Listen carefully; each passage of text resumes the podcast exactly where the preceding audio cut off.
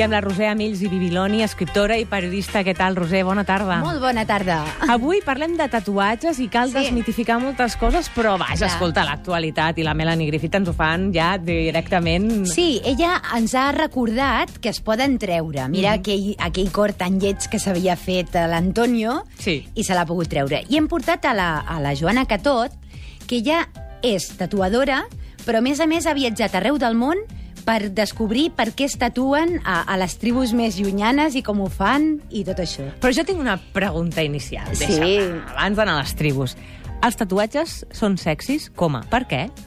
Bueno, hola a tots. Hola, què tal, Joana? Molt bé, els tatuatges depèn, depèn de qui els porta, depèn de quin tatuatge són, depèn d'on estan del cos, uh Mhm. -huh. però poden ser molt i molt i molt sexis. Però clar, depèn de què et poses. Vull dir que si et dibuixes una calavera... Clar. O un O Antonio... la- No, Clar. aquests els que es fan al gos o... la cara del, coses- gos, de la, del seu gos, o, o la cara del pare, o el que sigui, jo sempre penso, bueno, la dona...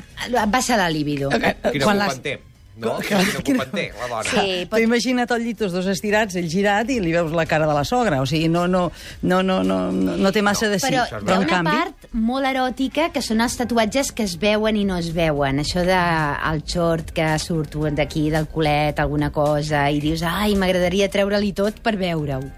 Però més, és que els tatuatges, l'invent és per passar de la infància a, a que ja pots cardar. Un dir, ritus iniciàtic, vols dir? Sí, pràcticament els grans tatuatges que he vist quan jo he anat eh, voltant pel món, molts no, eh? Comencen el petit, així que neixen, per protegir dels mals esperits, els hi fan el més petit tatuatge que poden.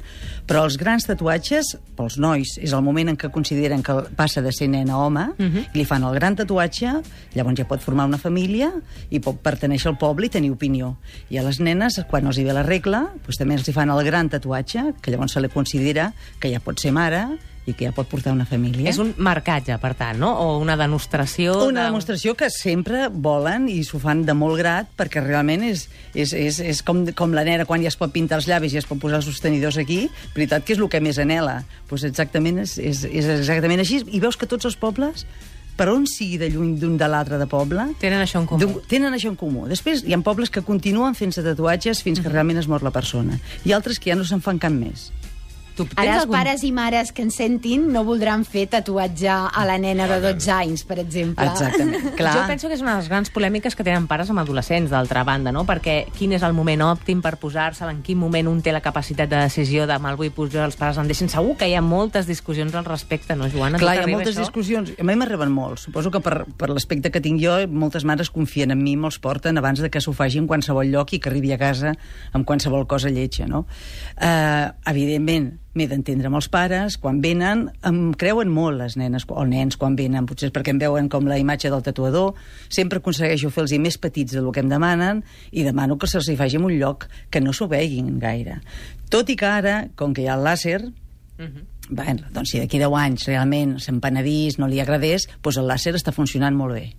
I el làser Mica. treu de veritat Treu el de veritat. Treu de veritat. Perdó, i per què a Melanie Griffith li costa tant treure? Però per què li costa tant treure? No Qui ho sé, però S'ha hagut de fer no sé quantes sessions. No, no, tothom. Ah. Eh? Vull dir, és una cosa que no se't treu la primera sessió. Uh Mhm. -huh. L'has de deixar passar un mes i mig a l'altra sessió i potser estàs un any traient-te'l. Clar. Però, la, a veure, hi ha gent que s'ho pot fer cada Això és 15 dies. important de saber, també. Però com més temps passis d'una sessió a l'altra, molt millor es treu i la pell queda impecable.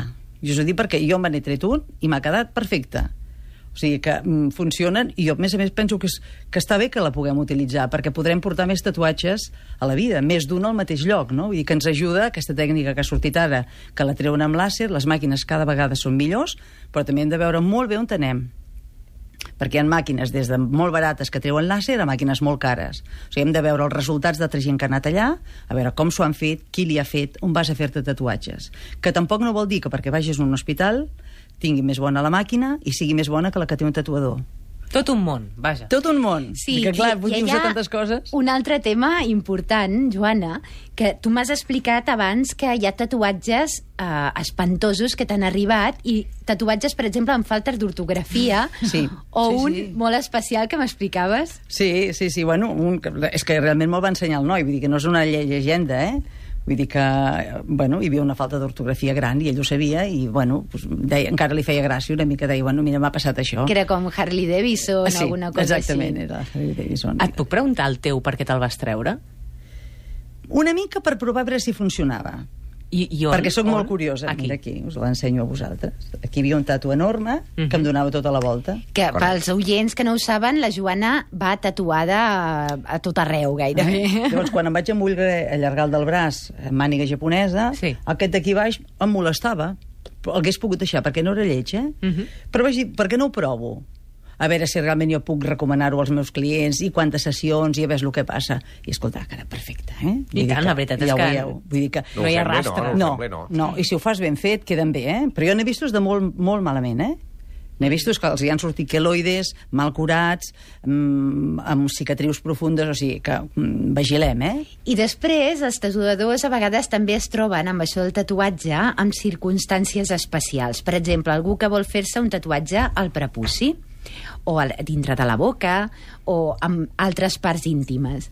La Joana a mi m'ha dit una cosa que m'ha deixat parada, que és que a ella li incomoda això perquè, home, ja... mm, Perquè és evident. és que treballar... Sí.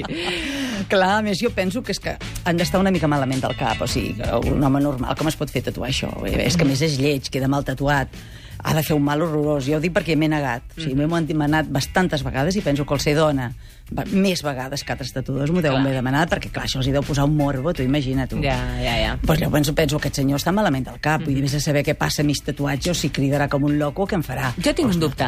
Per què hi ha qui diu que hi ha ta- tatuatges temporals? Això és un mal tatuatge o què és? Abans hi havia, fa molts anys ja que no se'n fan, eh? Però jo havia vist, havia treballat a la Francis i a altres llocs, se feien els tatuatges temporals i no han acabat de donar resultat. Els tatuatges temporals eh, se'n van, però queden bastant marcats. Llavors, a mi al revés, m'han vingut gent que portava tatuatges temporals que no se'ls hi han acabat d'anar, i llavors a sobre li fem el mateix tatuatge, que moltes vegades ja els hi agrada, amb, cinta, amb, tata, amb tinta permanent.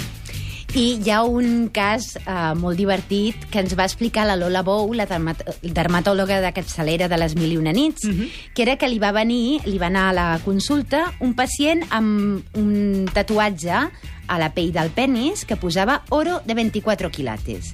I bé, això també té gràcia per pensar al tatuador o tatuadora quina feinada. Exacte, a veure, Allà, a la barra, fer, la- la barra d'or. I aquests són els que per mi no són gens eròtics, Clar. perquè és que visualitza, que se't despulli, que li surti, i dius, bueno, apleguem Home, i té la seva gràcia. Què dius? Sí, no, jo me'n vaig. no te n'oblides. Després, com fa aquest gatillasso, ja veuràs l'hora de 24 Apa, vinga, que estem en horari Sí, clar. protegit. Exactament, exactament. Perquè, escolta, a l'associació Tatuatge Sexy la podíem confirmar o ratificar, oi? Així, en un minut? Jo penso que sí. Sí. O sigui, a veure, tots ho veieu, si veieu I petits tu, Roser? tatuatges... Jo tinc un tatuatge aquí a l'esquena que jo no me'l veig i jo crec que això és un bon, un bon recurs, que si tu no te'l veus molt, mm. no te'n canses mai. Clar. Perquè potser els tatuatges que són més compromesos són els que tu et veus o que l'has d'ensenyar sempre. I la gràcia és que, si no es veu, diguis, mira, que saps que tinc un tatuatge? Clar. I a on, on? I ja Troba'l.